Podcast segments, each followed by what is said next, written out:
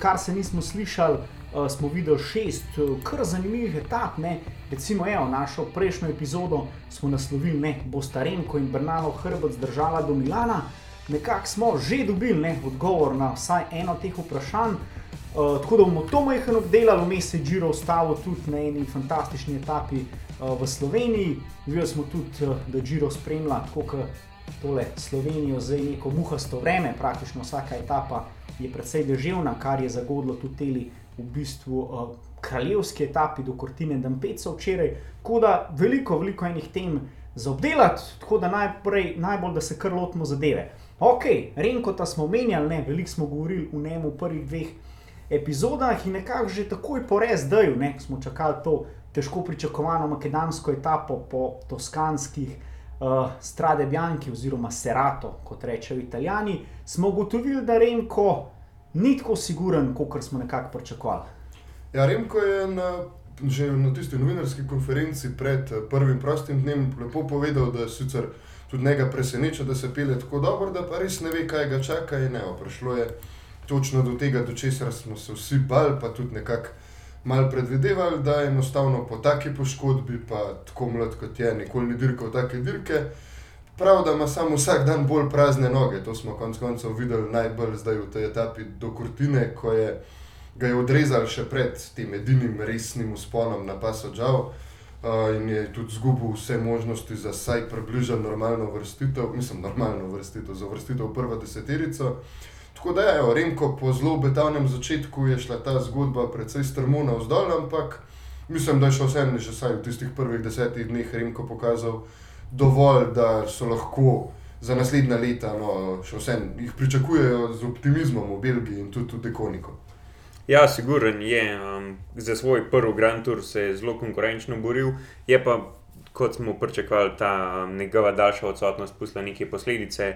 Um, res bi bil fenomen, da bi moral vse tri tedne zdržati z najboljšimi. Pa tudi še zmeraj um, je na robu deseterice, tako da jaz mislim, da vse ima možnosti, da ostane. Saj ne povedo, da je v enem intervjuju, da se bo boril. Razlike za uh, tistim devetim mestom so potem kar uh, visoke. Tako da uh, mislim, da ni še povsem ga za odpisati. No, jaz tudi ne bom presenečen, če Renko sploh ne pride do Milana. Ne? Tudi to ne. Da, Ja, ali pa po drugi strani bi pa Remko mogoče lahko še kakšno etapo zdaj zategnil ročno, prišel z gropetom, pa mogoče šel en dan v beg, če bodo mnogi mu to dopuščali, pa če se bo mogoče mal pobral po teh krizah, ki jih doživlja v zadnjih dneh. Ampak ja, za, kar se pa tiče boja za sam vrh, je pa. Remko povsem odpisan, imamo pa tam kar nekaj drugih zanimivih ja. imen. Ampak ja, če ostanemo še pri tej makedonski etapi, težko pričakovani, zelo zanimiva etapa, se mi zdi, da je res da nek ta draž tudi te majhne, da niso samo vem, gorski cilji, šprinterske etape, pa, pa neki kronometri, ampak da je tudi neka etapa, ki ima neke posebnosti. Tudi tukaj je zmagal Bek, ne, Mauro Schmidt, nek uh, mladi švicar, odzad pa zanimivi boji, kar velike razlike v bistvu v boju za rožnato majico. Bernal je naredil kar nekaj razlike, dobro je pa se tukaj pelo tudi Emanuel Buhman, ki je pa pokazal, da, še z, da ima še vse neki teh nog, ki so ga pripeljali tudi na četrto mesto na dirki po Franciji, par let nazaj. Ja, v bistvu smo videli, da je Dekonik pač tlele, to je bilo nek, oni so bili prve zvezde te etape, pa Makadamu, pa ne zato, ker bi tako dobro dirkali, ampak ker so imeli notranje boje, ko je Remko zašel v težave, pa ga Almeida ni takoj počakal, pa je potem Remko besno strgal slušalko iz ušesa, pa se potem še niti naslednji dan v izjavah niso uspeli zmeniti, kaj točno je šlo narobe, Almeida sploh ni hotel dati izjave. Rimko je rekel, da povezave niso delovale, medtem ko so športni direktori rekli, da so se oni sicer čez dobro slišali, ampak da so se na robe odločili v tistem trenutku. Da, skratka, ena malna interne drame, ki smo jo tudi konec koncev v prejšnji epizodi popisali, zakaj do nje prihaja. Ja, Egan Bernal, pa ne vem, že to je bilo spet fantastično spremljati, kako Filipo Gana po teh makadamskih ocekih gre kot brzo vlak. Grupa se je rečila za njim, Bernal pa v bistvu niti ne na makadamskih odsekih, ampak potem dejansko na zadnjem usponu na asfaltu je pač naredil razliko, potegnil s sabo, mislim, sta šla skupaj še z Buhmanom, tako kot je Andraž omenil. In tam je Bernal, kot smo že prej videli, oziroma pričakovali, je sam še dokazal še enkrat več, da je res najboljši kolesar te dirke in to nam je dokazal cel prejšnji teden. Ja, um, ni pa mogoče bil vsem tukaj um, Renko največji usmoljenci etape, dva sta bila še precej večja in to sta bila um, Dan Martin in pa Davide Formula, ki sta pa v bistvu oba dva že, mislim, da na prvem odseku izgubila ta stik z glavnino in potem tudi, mislim, da z osmimi minutami zaostanka prišla um, v cilj in v bistvu tako izgubila oba dva neke realne možnosti za zelo visoko vrstitev. Um, Dan Martin je še postregel z eno zanimivo izjavo, da je svoj ženi obljubil, da ne bo padel na tej etapi. Um, zanimivo je pač tudi povedal, da um, njemu ti profili dejansko ne ustrezajo, ker sicer pa je zanimivo, zakaj se je odločil za um, Giro letos sej niso se dva dni prej odločili organizatorji, da bo pa zdaj imel Makadama, ampak se je to vedelo vnaprej. Tako da ja, um, tam so bile neke mogoče malo take zanimive izjave z njegove strani. Um, ja, da je formula pa pač nekaj smole, da je tam ustal zadaj, ampak se je tudi za njega mogoče um, nismo ga v tisti najožji krog favoritov štel. No, ja, kljub temu, da je David Formule v bistvu strade Bianchi, to klasično strade Bianchi, že končal tudi na, na drugem mestu, ne, tako da se definitivno zna peljati po, po Makedonu. V, v bistvu je bila tudi zanimiva ta etapa, tudi iz tega, ker konec koncev ni prenesla razlike med favoriti zaradi tega, ker bi imeli favoriti blazno smolo. Mislim, dejansko je prišlo do razlik, ker niso imeli nog, da bi sledili tempu in enosa, ni pa težko bi pa rekel, da je imel kdo v defektu, res napačnem trenutku, vsaj od tistih glavnih favoritov. Tako da je v bistvu nihče ni zaradi tega Makadama vstal brez možnosti za zmago v Milano. Ja, naslednji dan je pa potem smo videli cilj na tem ikoničnem Piazza di Campo v Sieni, kjer se je strade, štart na ikonični pijaci di Campa v Sieni, kjer se konča Strade Bianchi. In potem je šla etapa kar, čez kar nekaj v bistvu gorskih ciljev. Ne? Če zdaj pogledamo nazaj s to skrajšano etapo danes, mislim, da je ta etapa iz Siena do Banja di Romanje postregla z največ višinskimi metri. Kljub temu je pa zmagal en eh, kolesar, ki ga nekako označujejo kot za sprinterja. Ne? Andreja Vendrame je zmagal z enega močnega oziroma zelo velikega bega relativno lahko, pa na koncu ne.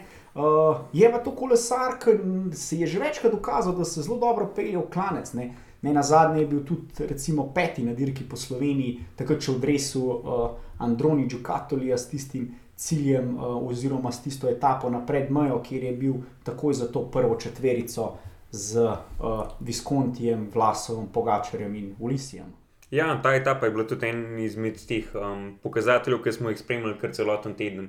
Da je v bistvu šel nek beg, kjer smo imeli nekaj renomirana imena, predvsem izmed tistih um, hribolasov, kot naprimer um, Benet je večkrat proval bežati, pa Molema tudi um, in se kar nekajkrat poskušal, pa ima pa vsakič nekaj zmanjkalo, čeprav smo pričakovali, da ja, danes bo pa pač dan, ko bo pa Benet dosegel tisto zmago ali pa mogoče Molema da bo prišel do tiste zmage, ki v bistvu zdaj že cel Džiro išče. Um, in ja, tukaj pa je Andreja presenetil v bistvu in uh, se pravi, ti smo v sprintu dveh kolesarjev prišli do te res lepe zmage. Ja, kar je meni še posebej razveselil, ker sem ga jih en dan prej dodal v mojo ekipo. Na Velenu, tako da mi je Andrej takrat prinesel kar nekaj pik. Tako da, Andrej, če boš prišel na dirko po Sloveniji letos, a ja, ne, ne boš, ker BMC je letos ne bo, ampak biti časti eno pivo. Ja, no, pa smo imeli pa v bistvu sprint v Veroni v 13. etapi in tam končno po 11 drugih mestih, Giacomo Nizolo, v že malo krnjeni konkurenci, ker so šli sprinterji domov, kaj je bil in pa Timberlije, sta že predtem zapustila Giro, je Giacomo Nizolo končno uspel dobiti to svojo prvo etapno zmago na Giro in zanimivo je bilo videti tudi. Dejansko, kako z veseljem so mu tekmici čestitali, ker so bili tudi oni res veseli za njega, da je po res dolgih, dolgih letih lovljenja, pa je bil vedno blizu zraven, nikoli pa mu ni uspel stopiti na vrh. Evo, tudi Jack uh, prišel do tega, da je etapni zmagovalec Džira, to je bil za njega verjetno vrhunc karijere, vsaj eden od vrhuncev, pa mislim, da kar vrhunc karijere. Tako da zelo lepo za videti, je pa tudi, uh, tako kot že prej omenjen, Mauro Schmidt, pa Giacomo Nicola, pa v Brdih uh, Viktor Kampanerc, to so bili vsi trije kolesari Asos Kobeke ki so uspeli zmagati etapo na letošnjem Džiru, tako da za Asosko Beko, ki so v bistvu lani oktobra rešila pred propadom, pa glih za glih dobila sponzorje. Evo, tri etapne zmage na Džiru, borbene predstave, zelo lepo se kaže, vrhunski uspeh in mislim, da je to lepa reklama, pa upam, no, da bojo imeli za naslednje leto malo lažje delo pri pridobivanju sponzorjev. Ja, Viktor je prav včeraj povedal, da še zmeraj iščejo tega glavnega sponzorja. Um, tako da zagotovo jim bo ta neka dodatna izpostavljenost zelo dobro dela pri um, pogajanjih z potencijalnimi sponzorji. Tako da super. Um, Ja, je, je, je pa bila ta 13. etapa no, od Dravene do Verone zelo zanimiva tudi z tega vidika, ker je bila v bistvu ena najbolj ravnih in ena naj, ja, najbolj ravnih etap na Grand Touri sploh. Ne. Fantje so naredili 198 km, se pravi praktično 200 km, in v teh 200 km so se dvignili samo za 200 metrov. Ne. Zdaj, vi veste, če se tukaj po Gorenskem ali pa kjerkoli v Sloveniji majhen pelete, pa naredite 60-70 km, zelo hitro se nabere 100-200 metrov višincev. ne. Tle so pa fanti v 200 km naredili 200 metrov višincev, kar je meni res fascinanten podatek. No. Pa ni bila ravna samo po profilu, ravna je bila dejansko tudi po cestah, ker so bile večina cest je bila povsem ravnih, brez ovinkov. Če greste pogledat mapo te etape za nazaj, sploh tam v okolici Bolonije, Imole. To so ceste, ko so šli 50-60 km brez ovinka, samo ravno v črti. tako da Ja, zelo zanimiva etapa, mislim, da so imeli fanti v pelotonu tisti dan precej časa za pogovor, pa da se malo pogovorijo, kako jim je prvi, prvi 14 dni dirke. bilo. Ja, sigurno pa je ta pa, ki ni glih privlačna za kakšnega komentatorja. ne, Definitivno. Malo sem gledal tisto dirko, ne, tisto etapo, Simon Pelo je bil nekako eh, zopet v begu, ne, taki nekako išče to, ko se fuga, Pinarello je bila včasih, zdaj je fuga Bianchi, se pravi za kolesarja, ki je nekako največ časa preživel v begu, to so komentatorji do dobro analizirali njegovo biografijo, pa še kaj drugega. Vse Karel Tankrbi je, pove- je upisal v tej svoji knjigi, ko je izdal, mislim, da lani, da ni komentirati kraljevske etape, ko se favoriti borijo za majce vodilnega, ni tak problem, sploh če imaš dobrega sokomentatorja. Komentirati 200 km boja na čist ravnih cestah s tremi v begu, ki nimajo najmanjše možnosti, da uspejo, tam moraš biti pa dober komentator. Tako da ja. Uh, to malo izziva tudi za roba Heča in ekipo. ki Ja, defini, definitivno, definitivno. Ok, potem je pa prišla že sobota, ne? karavana se je skozi bolj bližala Sloveniji, skozi bolj se, smo se bližali slovenski meji, Eh, prej so pa zavili še v bistvu na en epski vzpon ne? na Monte Zankolan, ki velja za v bistvu en najtežjih vzponov v Evropi, oziroma vsaj v tem delu Evrope s tistimi brutalnimi nakloni, ki grejo tudi preko 20%. In ne vem, vsaj za mene presenečenje zmaga obežnikov. Tukaj sem pričakoval, da se bodo favoriti nekako udarili za zmago. Ja, mislim, da smo vsi to pričakovali. Um, in tudi, um, ni pa prvič, da so dejansko ubežniki prišli. Tudi že v preteklih um, verzijah, oziroma v preteklih izvedbah uspona na Zonkolan so že zmagovali ube- ubežniki. Spomnimo se, mislim, da je takrat um, Rogers dobil um, Rogers, etapo. Um, mislim, da je bila to se pravi tista predzadnja izvedba, vmes pa še, mislim, da je Chris Froome takrat, um, ko je v bistvu potrdil svojo, oziroma takrat naredil zmago na Džiru. Mislim, da je bila to se pravi tudi um, etapa s ciljem na Zankoran. No, ja, pa da se vrnemo na to letošnjo izvedbo. Tri obežniki so prišli v cilj pred, se pravi, Eganom Bernalom na četrtem mestu, na prvem mestu Lorenzo Fortunato iz ekipe Elo Kometa, na drugem mestu pa Jan Tratnik. Um, Jan je, saj mene, precej presenetil s tem um, dosežkom. Meni je bilo pač res malo žal, zjutraj, ko sem ga videl, da se je spravil v beg na tej etapi, ker saj po profilu mu ta etapa ni najbolj ustrezala, bolj bi mu ustrezala tista. Um, goriška etapa, ki je bila na sporedu naslednji dan, in vsi smo tudi malo potih upali, da bo v tisti etapi v Begu. Ampak Jan je vseeno odpeljal eno fenomenalno etapo, končal, kot smo rekli, na drugem mestu s 26 sekundami zaostanka um, in pokazal, da je pač res v dobri formi, da se tudi zna on zelo dobro voziti na klanc. Mu je pa tukaj zmanjkalo malo sreče, oziroma pač najdu enega, ki je bil malo bolj razpoložen in tako za svojo ekipo pripeljal prvo res veliko zmago.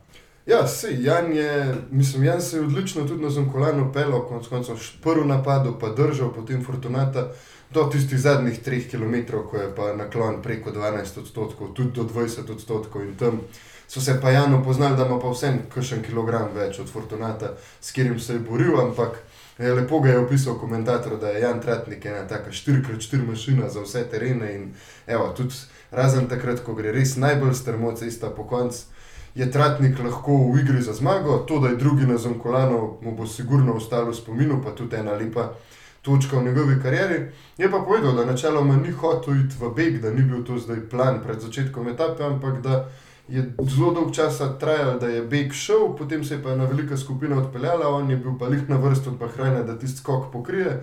Pokril ga je, bil v skupini in pol, če pa že enkrat si tam, je pa pač treba to zgurati do konca, po domač povedan, pa in Jan je potegnil iz tega največ, kar je lahko. Rač pa to, da favoriti se niso udarali za zmago, je malo zanimivo, ampak nekako v stilu letošnjega Džira, ko je v 16 etapih so jih 8 dobili obežniki. In to se pač mislim, da pozna predvsem zaradi tega, ker Ineos kontrolira dirko.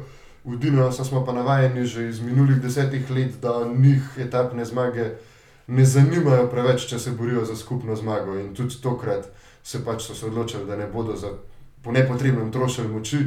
Nihče je Bernalu ni bil nevaren, konec koncev je Bernal na koncu še vedno skočil, naredil razliko, se otresel tekmecev, tudi Simona Jajca, ki je, ki je na Zankulanu pokazal edino svetlo točko letošnjega Džira, pa se ga je na koncu Bernal otresel še pred ciljem, tako da evo, mislim, da je bilo to. Kar zanimivo je ta po enem groznem vremenu, ampak ja, drugače pa kar po pričakovanjih, saj med favoriti. Ne. Ja, omenil si Ineos, da še nadaljujem s tem. Ineos je letos kazal malenkost drugačne predstave, kot smo jih bili navajeni v preteklih letih, ampak zdaj na tem Džiru se je pa spet vrnil v te neke ustaljene tirnice, ker res oni povsem kontrolirajo dirko, ne spustijo izvajeti in um, vse. Če smo mogoče pričakovali tudi za tur, da bo mogoče to nek novi Ineos z napadalno taktiko, z um, malenkost bolj prostimi rokavi, jaz mislim, da um, ta Džiro predvsej bolj kaže, kakšen Ineos bomo res Ja, gledali. čeprav mogoče bi pa lahko na turu vsem gledali drugačen Ineos, ker tukaj ima Ineos najmočnejšega kolesarja na dirki, na turu ga pa ne bo imel. Tako da tam se bodo morali pa, pač poslužiti mogoče kakšne drugačne taktike, ker dejansko ne bojo mogli kontrolirati dirke, ker ja, pač sta Roglič in Pogača vseeno v tem trenutku boljša od vseh, z izjemo verjetno Bernala, če bi bil v taki formi, kot je zdaj na Džiru, kar bo pa zelo težko. Ja, v bistvu, ja, omenila sta Ineos, ne, vsi vemo, pač najboljša, oziroma tudi najdražja, oziroma ekipa z največjim proračunom tukaj v svetovni seriji. Uh, zmagovalec te epske etape na Zankolan pa v bistvu prihaja z ene manjše italijanske ekipe, Eolo Kometa, ne, tudi v bistvu v napovedi smo jo omenjali kot ekipo, ki ima v bistvu najmanj zvezdniško zasedbo na cesti, ki je v bistvu prišla na ta Giro z Wildcardom zaradi ne zaradi kolesarjev, ampak bolj zaradi dveh stvari. Ne. Eno je pač ta njihov sponzor Eolo, to je neki italijanski internet provider, ki je tudi sponzor RCS-ja oziroma teh organizatorjev Džira. Druga pa tudi, ja, sigurno je pripomogla tudi, da je to v bistvu projekt Ivana Basa in Alberta Contadorja, ki sta v bistvu nekako zbrala eno mlade italijanske kolesarje, dodala nekaj veteranov in prek tega tudi promovirata v bistvu svojo blagovno znamko koles. Ne. Fantje vozijo na kolesih Aurum, ki so Predvsej simpatična kolesa, ampak tudi uh, precej draga, če tako pogledamo. Je pa za to zmago tudi ena zanimiva anekdota. Ne? V bistvu Alberto Contador je že pred Žirom napovedal, če bojo fantje njegovi zmagali etapo na Žiru, da bo on prekolesaril to pot od Madrida do Milana, ki je koliko, ene 1500 km. Ne? Cirka. Tako da ja, Lorenzo Fortunato je zmagal v bistvu na Zankolan, tako da čakamo zdaj Alberta Contadora, da se odpravi na to svojo dolgo pot in da mogoče zdaj rata tudi nek endurance kolesar v teh svojih po, v, v, v penzija dnevih, da tako rečem. Ja, Eolos je pred začetkom letošnje sezone zadal za kar tak uh, zelo optimističen cilj, da bodo zmagali 10 dirk v letošnjem letu, v prvi sezoni uh, med profesionalno konkurenco, kjer dirkajo.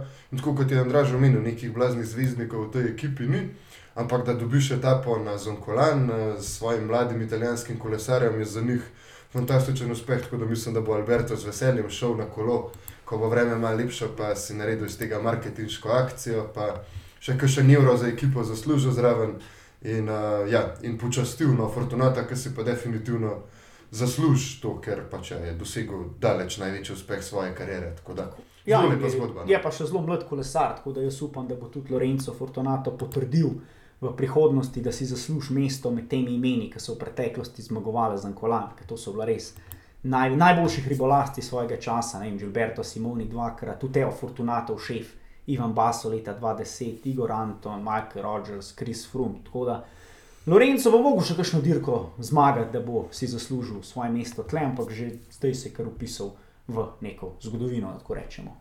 Tako, ja, mislim, da je res, res lepa zgodba, pa tudi za njega verjeten en tak pospešek njegovi karieri, da še kaj naredi naprej. No, pa, pa smo prišli že zdaj v bistvu do te nedeljske 15. etape in Goriška brda, kjer pa lahko samo vsem slovenskim navijačem, tudi mi smo bili med njimi, mislim, da lahko vsi rečemo sam kapo dol, ker je bilo pa kulisa je bila izjemna, še vreme je bilo do zadnjih, po zadnje pol ure etape v Brdih izjemno, zastav je bilo ogromno, vzdušje tako kot vsaj konkurenčno vsem najbolj znamenitim prizoriščem Džira, ki ga jih v Italiji obišče dirka. Tako da mislim, da če pa zdaj nismo Slovenci pokazali, da si zaslužimo še kaj več kot samo vmes par kilometrski obisk naše države s kakšno veliko dirko, pol pa tudi ne vem. No.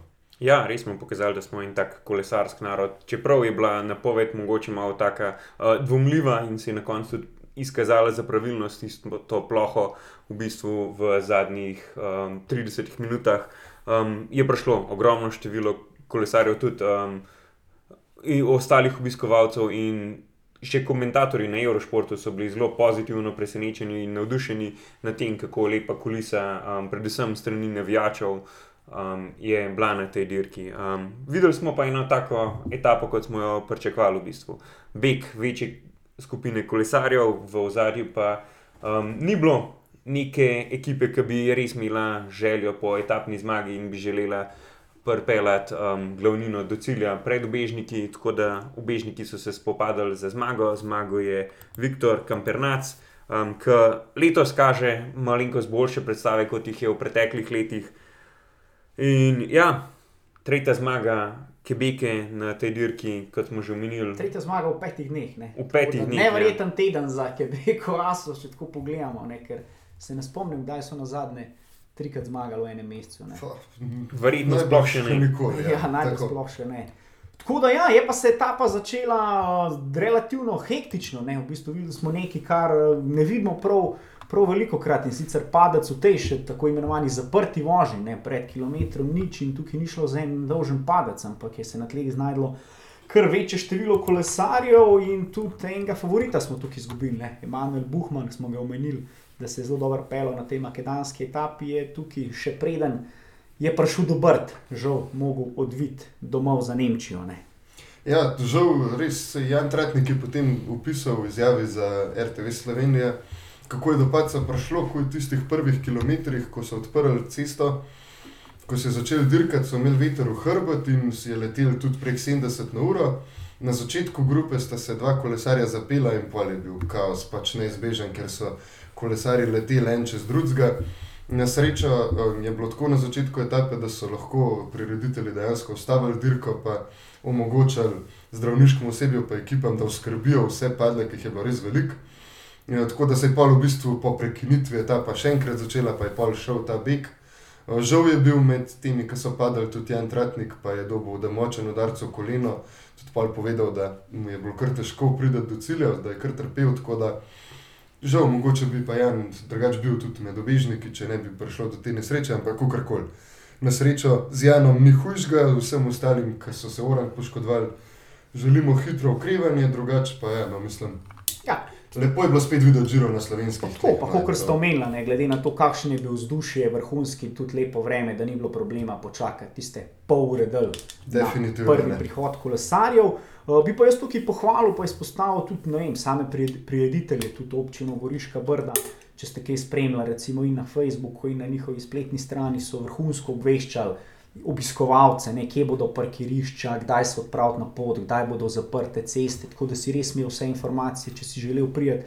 Ker meni je bilo najbolj strah ta goriška brda, vemo, to je gor dol, ne, ni nekega hudega parkinga, ne, kako bomo do tja sploh prišli, kje bomo parkirali, ampak je vse bilo uh, vrhunsko organizirano in nekako smo zasledili, ne, da ta ekipa, ki je organizirala ta obisk v bistvu uh, tule goriških brd, da je to zelo ena resna ekipa, ki ima zelo ene resne ambicije. Eh, tudi za prihodne, nekako se že zdaj šušlja, da ne bi Džiro tudi prihodne leto prišel v Slovenijo. Omenja se tudi mogoče skupna kandidatura te Gorice, pa Nove Gorice oziroma te Furanije Ljulijske krajine za neko svetovno prvenstvo v kolesarstvu v prihodnosti. Tako da jaz v bistvu komi že čakam, no, kaj nam bojo tukaj ponudili, ker je se mi zdi tukaj potencijala ogromno. Ja, ti forlanski organizatori so pri organizatorjih Džira zelo dobro zapisani, tudi zdaj so spet podaljšali ta dogovor o sodelovanju še za nadaljnih pet ali šest sezon, tako da bomo Džiro v naši bližini definitivno spremljali, pa glede na letošnji uspeh, sigurno bo saj še kaj zavila v Slovenijo dirka. Zelo lepo bi bilo videti tam svetovno prvenstvo. Mislim pa, da je to tudi ena priložnost, da, mislim, sigurno je priložnost, ki jo moramo izkoristiti, da tudi na naši strani deležniki, od kolesarske zveze, pa tudi konec koncev do vladnega nivoja, malo bolj resno pristopimo k temu, pa najdemo nek dogovor z njimi, kako bi kakšno celo etapo v Slovenijo pripeljali, ne samo občasne obiske, kot je bilo zdaj v Brdih, pa se zanašati na to, da bodo naši sosedje iz Forlanije pač vse naredili za nas, no.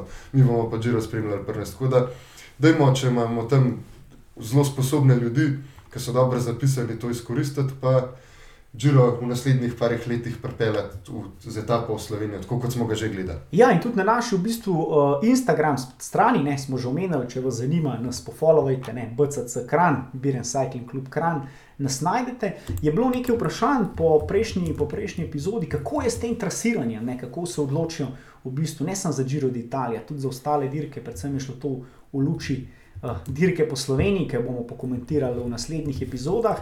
Nekako mi smo vsi gorenski fanti, ne? in je bilo par komentarjev, fanti, zakaj ne pridejo več na gorensko z dirko po Sloveniji. Ne?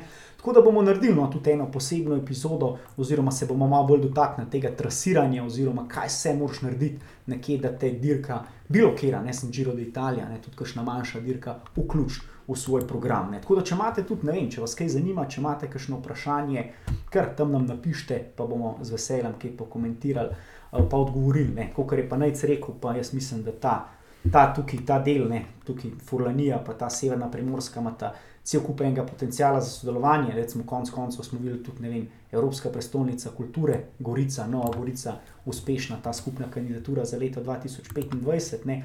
Je dejansko oni dosti igrali na to karto, ne, da so v bistvu ne, dobrih sto let nazaj bila tukaj vojna, je bila tukaj pač fronta, zdaj so pa meje padle, pa se družimo. Ta borderless Giro je tudi bil en ta v bistvu en ta uh, slogan. In v bistvu, ja, to ne vem, ali je bilo namerno, ne, ampak včeraj sem pa izsledil ta zanimiv podatek, ne, v bistvu, da je bila 23. 23. maj, ne, ko je potekala ta etapa. To je v bistvu bilo točno na obletnico odprtja Soške fronte, ki se je v bistvu začela 23. maja 1915, se pravi 23. maja 2021, pa pač etapa Džira. Tako da je bila še ta obletnica nekako zaznamovana, kar se mi zdi tudi en tak simpatičen, simpatična gesta. Ja, je pa zanimivo, da je tudi en izmed teh idejnih vodij oziroma pobudnikov za to etapo bil um, Eduardo Reja oziroma Edi Reja. No? On je zamajski slovenec. Tako, da. tako. In tudi en tak lep um, primer, kako se lahko tudi uh, znotraj različnih športov pač povezuje in um, z poznanstvi, mogoče, ki si jih ne nabereš v enem športu, pa pomagaš nekmu drugemu športu. In uh, to čezmejno sodelovanje se je tukaj res lepo izkazalo.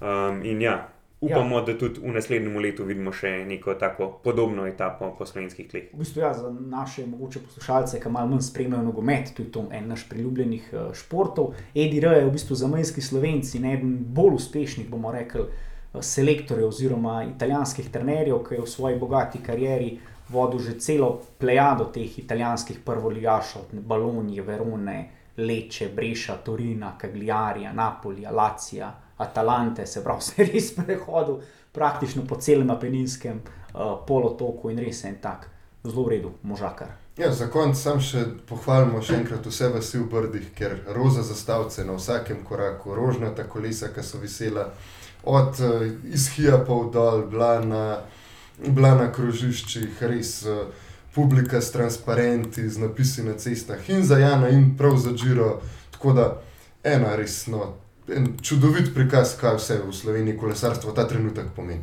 Ja, če pogledamo, ne, da v bistvu smo imeli na dirki samo enega kolesara, Jana, kolesarja Jana Tratnika, če bi recimo tukaj dirkala še ne vem, mogoče Roglič pa Pogačar, si lahko predstavljamo še le, kakšna norišnica bi bila, ampak ja, vse v svojem času. Dobro, tale maj 2021 nam pa sigurno ne bo sto leten spomin po nekem fantastičnem sončnem vremenu, ne, že najce je zanč pošalo, ko smo bili na pivu, ne, da v bistvu maja spoh ne moreš iti na kolo za ne dve, tri ure, brez da te ne bi fajn napravil mestne. Tudi videli smo včeraj v Brdih, fantastičen vreme, potem pa v enih 15-20 minutah veter, mrz in nas je kar pošteno napravil. Tako da ja, 24. maja se pravi, v, uh, bi mogla potekati ta kraljevska etapa, ne, tako je bila v bistvu tudi napovedana od Sačile do Kortine Dampeco. To je bil verjeten razlog, zakaj so favoriti na tej slovenski etapi bolj kot ne si vzeli prost dan ne, in prišli v cilj s praktično 15-minutno eh, zamudo. Tukaj bi mogli uh, prečati kolesari tri res epske uh, alpske prelaze, ne, čez vsak od njih bi šel čez 2000 metrov nad morjem, med njimi tudi ta Čima Kopi, se pravi najvišji vrh letošnje dirke po Italiji, ampak je že zjutraj kazalo malo slabše, ne napoved je bila deževna na teh prelazih čez 2000 metrov, so napovedovali tudi kakšen sneg. Tako da so se potem odločili, da je to kontroverzna odločitev, ne, da v bistvu to uh, kraljevsko etapo skrajšajo samo na en prelaz, ne samo na pasu Džav in pa potem spust v Kortino.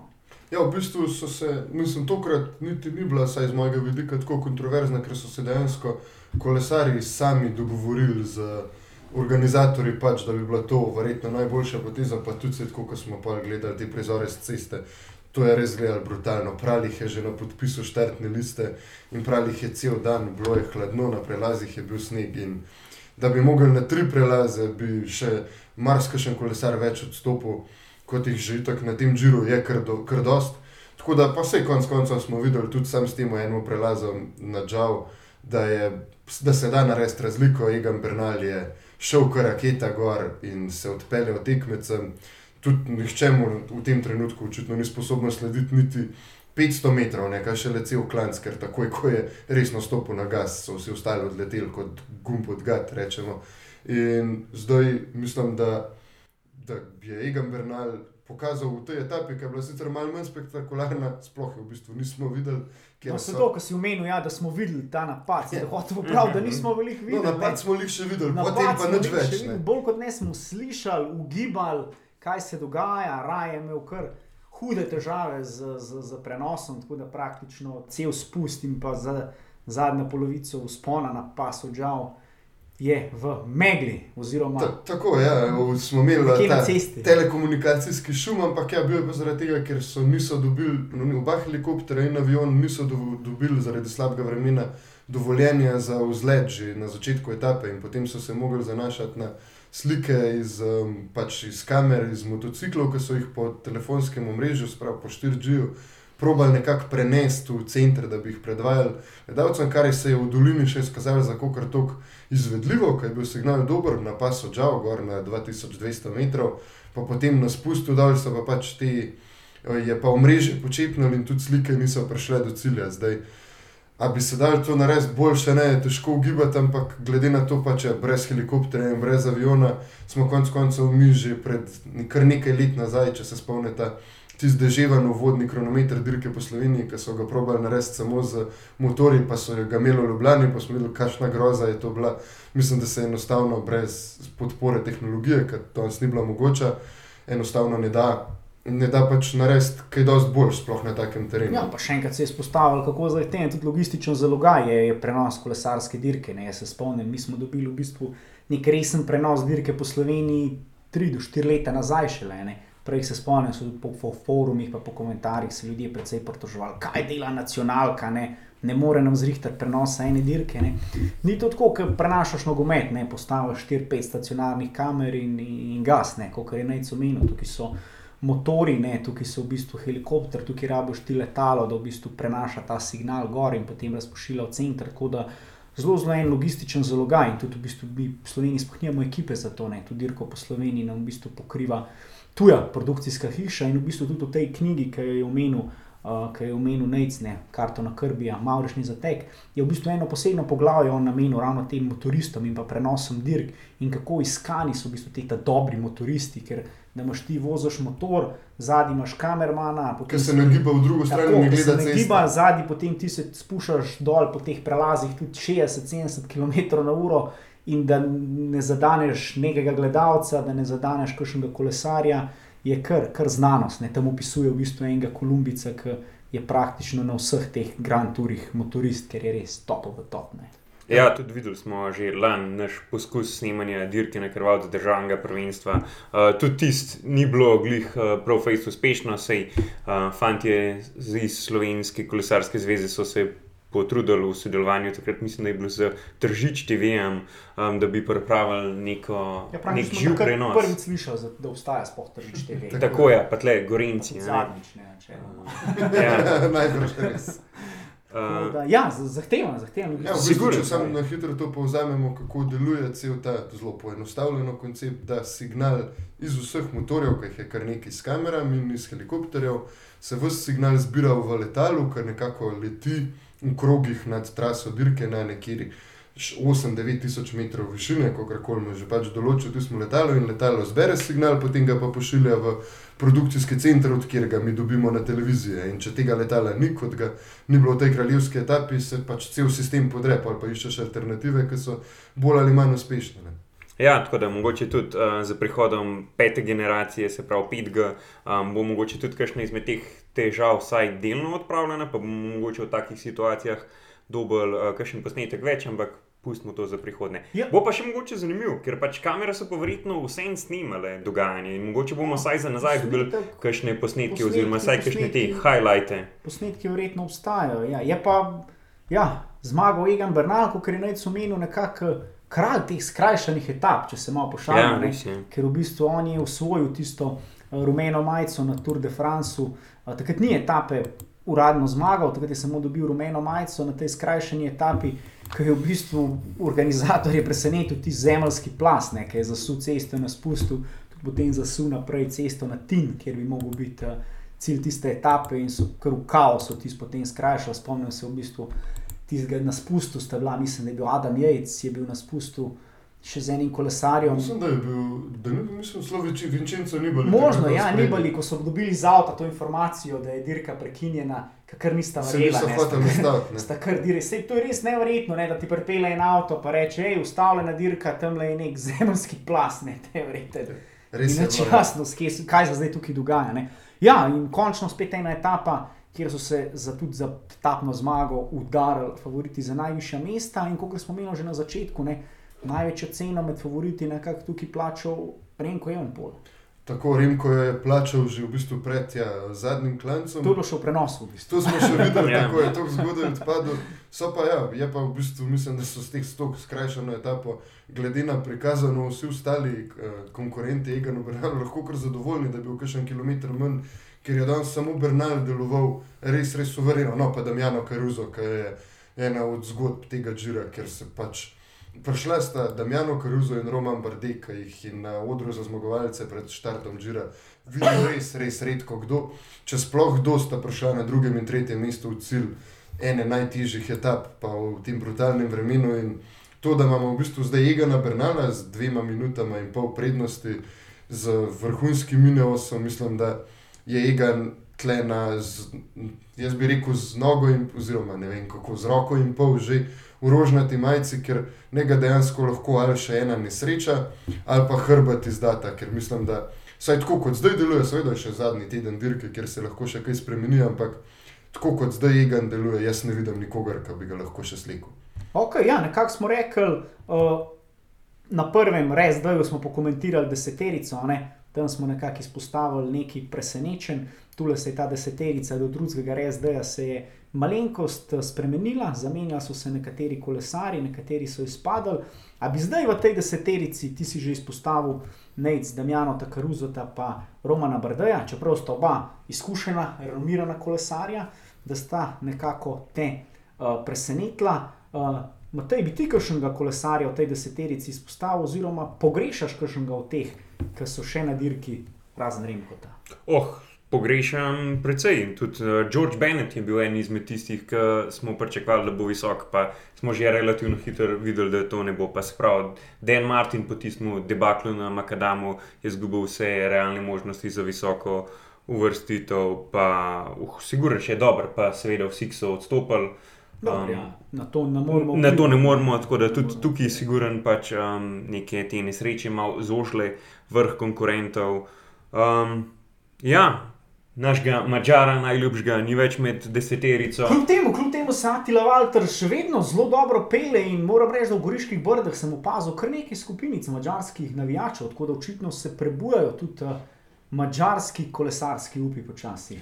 Ja, ampak jaz mislim, da bomo mi zdaj do konca dirke v tem zadnjem tednu bolj kot dirko, za, mislim, boj za zmago spremljali še boj za odr za zmagovalce. Ja, ta je tukaj Ja. še precej odprto. ne. Imamo šest kolesarjev v bistvu v dveh minutah in pol, drugi Damjano Caruso zaostaja dve minute in pol, potem tretji Hugh Carty, ki se pele zelo dobro, v bistvu tako nekako kot smo pričakovali, v bistvu, tudi- oziroma tako kot je lani na Vojti kazal. ne. Mene tudi preseneča ta ekipa. Eveč, Ja. Nipo, ki je v bistvu, če pogledamo, če se vrnemo na to uh, makedonsko etapo, je v bistvu imel EF v zaključku največ kolesarjev. Ne? Tudi ko je v bistvu Bernal ostal samo še z Martinezem, je imel uh, Mar, uh, Hugh Carty ob sebi še, mislim, da je bil Betiol in Tako. pa. Betiol se pele v življenjski formi ja. v- Ja. v- na tem džiru. Tako da res, odlična, odlična ekipa. Ne? V bistvu malo nas je mogoče razočaral, glede na prikazano v prvih desetih dneh zdaj vlasov. Ne? Ko je zdrsnil na četrto mesto, sicer še kar ne zaostaja, zaostaja dobre pol minute za tretjim mestom, ampak ni, ni pa več, mi smo mogoče pričakovali, da ko bodo prišli dolgi vzponi, bo vlasov. Bo vlasov nekje delal razliko, pa vsaj ne vem, jaz sem ga videl kot glavnega konkurenta Bernalu, pa se ni čisto izkazalo to za, za resnično. Ja, je pa, kot se reče, Aleksandr še zmeri blizu, nekako Simon Jejc na Zankolanu je, potem na petem mestu, ne, na Zankolanu je poskusil z enim zelo resnim napadom, pokazal, da še ima nekaj dinamita v nogah, danes je pa.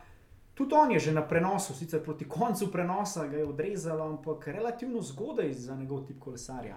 Ja, Simon je povedal, da se v prvem tednu ni počutil najboljši in tudi mogoče s tem um, malo pojasnil, zakaj ni bil v tistih najtežjih trenutkih zraven. Um, potem pa je pač zdaj nekaj dni nazaj pokazal, da se je zelo dobro pelil, tudi v bistvu bil um, edin, ki je. Pravzaprav sploh probil napadati Egana Bernala, um, sej ni da bi bil napad, ki bi to njega ogrožal, ampak je saj um, poizkušal. Uh, danes pa pa ja, um, ta Slab dan, slab, Slabši dan, no, se Ja, izpek, ampak ne to pa zelo to klasičen Simon Jejc, slab dan, kjer Simona Jejca odreže in izgubi 20 minut, kot je recimo danes 24 minut zgubo Renko Evenpol, Drži, ampak ja. je nekako uspel minimalizirati te razlike in je še vedno, kot smo rekli, v boju za odr zmagovalce. Ja, Tudi on je že precej izkušen, uh, bravo tistega svojega. Um. Zgubljenega džira, ki ga je takrat res uh, grdo izgubil, ko je praktično v enem dnevu šel iz vodilnega izven deseto mesto. ali ne, Ja. izven deseterice, Mislim, da je še celo izven deseterice končal. Uh, še en tak kolesar, Giulio Ciccone, tudi on se v bistvu že celoten žiro zelo dober voz, uh, mogoče tudi on vmes en malenko slabši dan, kjer je um, kasiral tistih nekaj minut in zato je zdaj na šestem mestu, pa še zmeraj, kot smo rekli, zelo v igri za se pravi vsaj zmagovalne stopničke. Um, Giulio malenkost um, preseneča, čeprav smo ga tudi napovedovali, da bo visoko. Um, tudi Nibali se je popolnoma podredil, tudi pomagal um, mu v večjih trenutkih. Um, tako da ja, on vseeno neko pozitivno presenečenje, vsaj z mojega vidika. Jaz tudi mislim, da bo tle zelo zanimiv med vsemi temi, se pravi, pa še na šestem, in zdaj trenutno na sedmem mestu Roman Bardet, eh, ki je dve minute pa pol za drugim karuzom in se pele vrhunsko, z dneva v dan boljš skoraj, bi lahko rekel. Vsi ti fanti, ki smo jih zdaj našteli z izjemo Vlasova, nihče med njimi ni vrhunski kronometrist. No, tako da, sej dobro, ok, Simonec se na, na čase zna pelati. Se tako, videli. ampak nihče med njimi se mi zdi, no, da ne bo se mogel zanašati na kronometer, da bi rekel, da zaradi tega se bo pa dirkalo v zadnjih gorskih etapah, bi jaz rekel, temu boju na odru za zmagovalca še zelo na nož. In tudi zadnji dan v Milano bo zanimivo, ker je dejansko težko z gotovostjo predvideti, kdo od njih bi pa lahko zadržal oziroma predvidel nekaj. Ker tudi Vlasov in Jajc nista tak, tako suverena kronometrista, da bi rekel, zagotovo bosta pridobila, ne vem, pol minute ali pa 45 sekund. Ja, pa ko si že omenil Romana Brdeja, on je že čez kar nekaj let en mojih pač ljubših kolesarjev, ne, nekako sem zmeri, ker imel pač to razočaranje, ki se je parkrat dobro držal, pa ga je pa imel kakšne težave. Ne. In očitno mu je dobro delano, tudi ta menjava, menjava sredine. Ne. On je v bistvu skozi vozil od majhnega za to francosko ekipo, a že do zerne in na Turu so vedno. Francozi polagali upe v njega, ne, da bo to zdaj naslednji, ki bo francoski, bo po dolgih letih pripeljal rumeno majico v Pariz. Parkrat je sicer bil blizu, še večkrat se je pa potem zlomil, nekaj šlo na robe, sicer je pripeljal enkrat pikčasto majico v Pariz, ampak očitno ga te pritiski niso dobro del, ne, zdaj v tej nemški oziroma tujski legiji, ne, Stan Weba oziroma letos DSM-ja, je očitno pritisk tukaj manjši, tudi on se je odločil za dirko po Italiji, ker za francoze ni toliko v fokusu in očitno je spet najdu, najdu noge, predvsem v hribih in ja, kronometer ga znam ali tepst, ampak jaz verjamem, da bo Roman še zelo, zelo napadalen, sploh ker nas zadnji teden čakajo praktično sami cilji na Atlantu. Pa tudi Roman je eden takih bolj zanimivih eh, osebnosti med temi kolesarji, ker je dejansko se, uh, zelo razgledan in se poglablja v filozofijo. Je med, med drugim naredil tudi uh, tečaj, izpit, kakorkoli, licenco za somelija. Uh, tako, tako da v bistvu ima malo širši, uh, širše obzorje, ne samo ta fokus na kolesarstvo. Tako da je tudi v reviji Ruler, ima zelo zanimive kolumne, vsakeč sprot. Ja, tudi meni eden bolj simpatičnih kolesarjev, tako da mu prvoščam to, da se po nekaj letih teh neuspešnih bojev za generalno razvrstitev spet pele dobro. Se ne bo zmagal, je pa na dobri poti, kar je pa tudi lepo videti. Ja, pa imamo pa tukaj še na robu deseterice, zaenkrat se pravi um, Martiniza, Fosa in Almeida. In tukaj sploh. Um, Fos in Almeida sta oba dva precej dobra kronometrista, um, tudi Martinez v bistvu um, kot član Ineosa se pač ne bo slabo pelal, glede na to, koliko oni uh, vlagajo enega svojega časa in ostalih resursov v se pravi uh, to kolesarsko disciplino. Tako da tudi za njih uh, obstaja še neke možnosti, da se pač povspnejo više, ampak jaz mislim, da saj za njih je pa ta uh, odr zmagovalcev že nekako odpisan, ker razlike so pa poj že kar. Ja, kar, nekaj, če pogledamo tukaj od sedmega Romana Brdeja, pa potem do desetega Žual Mejde, je že pet minut razlike. Ne? In tudi Žual Mejde, jaz mislim, da pet minut proti Romanu Brdeju na kronometru ne more biti. Ne, to je pa tudi v bistvu Žual Mejde zdaj na desetem mestu.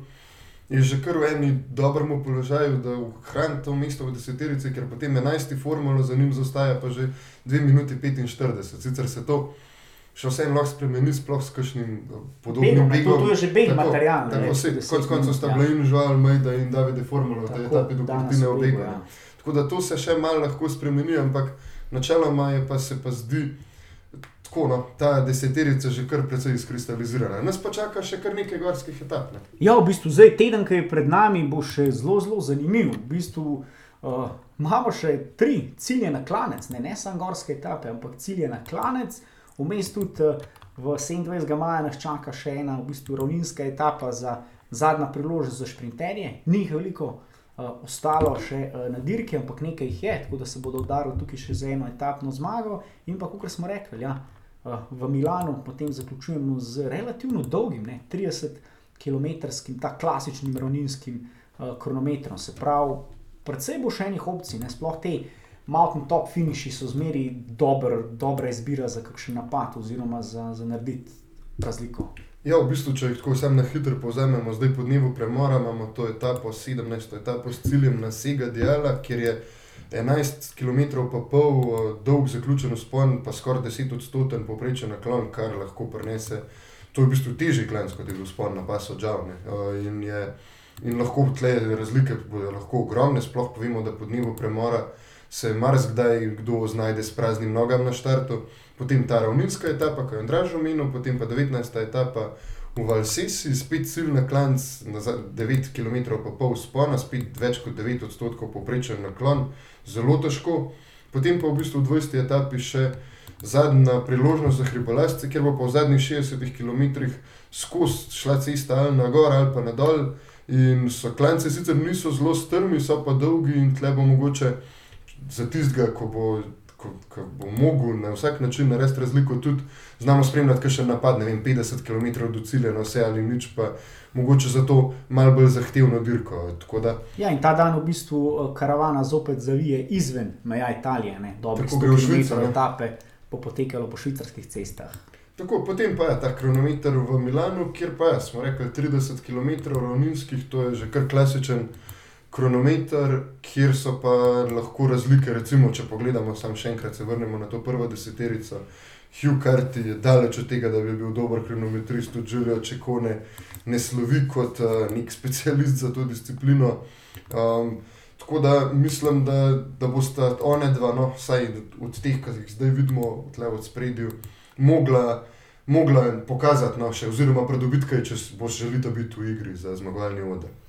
Ok, ja, se pravi, čaka nas še zanimiv teden in potem po zadnji etapi v Milanu, ko bo že tudi znano, kdo bo dvignil ta neskončni pokal in pa rozno majico, eh, bomo mi posneli eno novo epizodo, kjer bomo še zadevo analizirali, tako da bomo z vami nekje že v ponedeljek. Ok, eh, za konec pa lahko naredimo še en fun fact, pa klasičen fashion kotiček. Ne? Uh, prej smo omenjali, no, če smo pri tem fun faktu, da je kar nekaj odstopov že letos bilo, 30. 30 odstopov. Ne.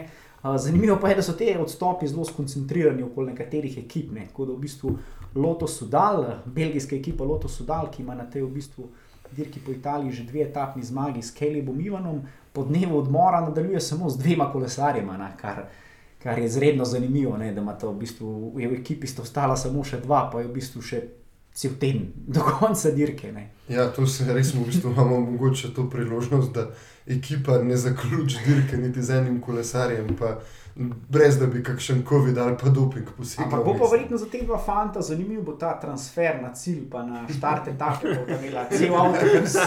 Cel avtobus bo tam imela zase. Ja, in ima serijo na dirki, kot kar jih hočeta. Tudi, ja, mehaniki. Mehaniki bodo, mislim, da lahko spili kakšno pivo več, kot ga sicer, ker bo malo manj koles za šraufet. Tako da ja, mogoče bodo v lotu malo bolj veseli, spremljevalno, spremljevalno osebje malo bolj veselo tega, da jih čaka malo manj dela v zadnjem tednu. Je pa zagotovo tudi nobenih rezultatskih pritiskov za te dva uh, fanta, ki sta še ostala na Ja, dirki. sta pa, sta pa to zelo, zelo aktivna fanta. Ne? Oba sta tudi bila v begu že v Goriških brdih, tako da jaz računam, da jih bomo še se nagledali.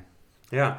Evo, še za fashion kotiček, pa danes nekaj čist na kratko. Uh, mogoče ste opazili tudi, da se, se pravi vsi zmagovalci etap, poleg se pravi vseh um, nagrad, ki jih ponovadi dobijo, dobili še vsak po eno čelado. Torej, um, čelado, ki jo pač proizvaja italijanski proizvajalec Kask. Um, in prav nek poseben dizajn v bistvu kot da bi bila malo pografitirana in sicer to je um, en italijanski umetnik Aldo Drudi um, poslikal te čelade in jo pač vsak izmed uh, zmagovalcev dobi, tako da teh čelad bo samo teh 21, um, kaj se bo pa z njim dogajalo, pa pač ne vemo, verjetno bo šla na kakšne dobrodelne dražbe ali po kakšne muzeje, saj pa navadi se to s takim um, primerki dogaja. Ali pa mogoče kakšno domačo vitrino. Ne? Tako, No, ali ali pa, pa to, ja. ne vem, na sedež, na sedež ekipe, ki, ki jih imajo kakšne njihove vitrine z, z lovorikom, kaj takega.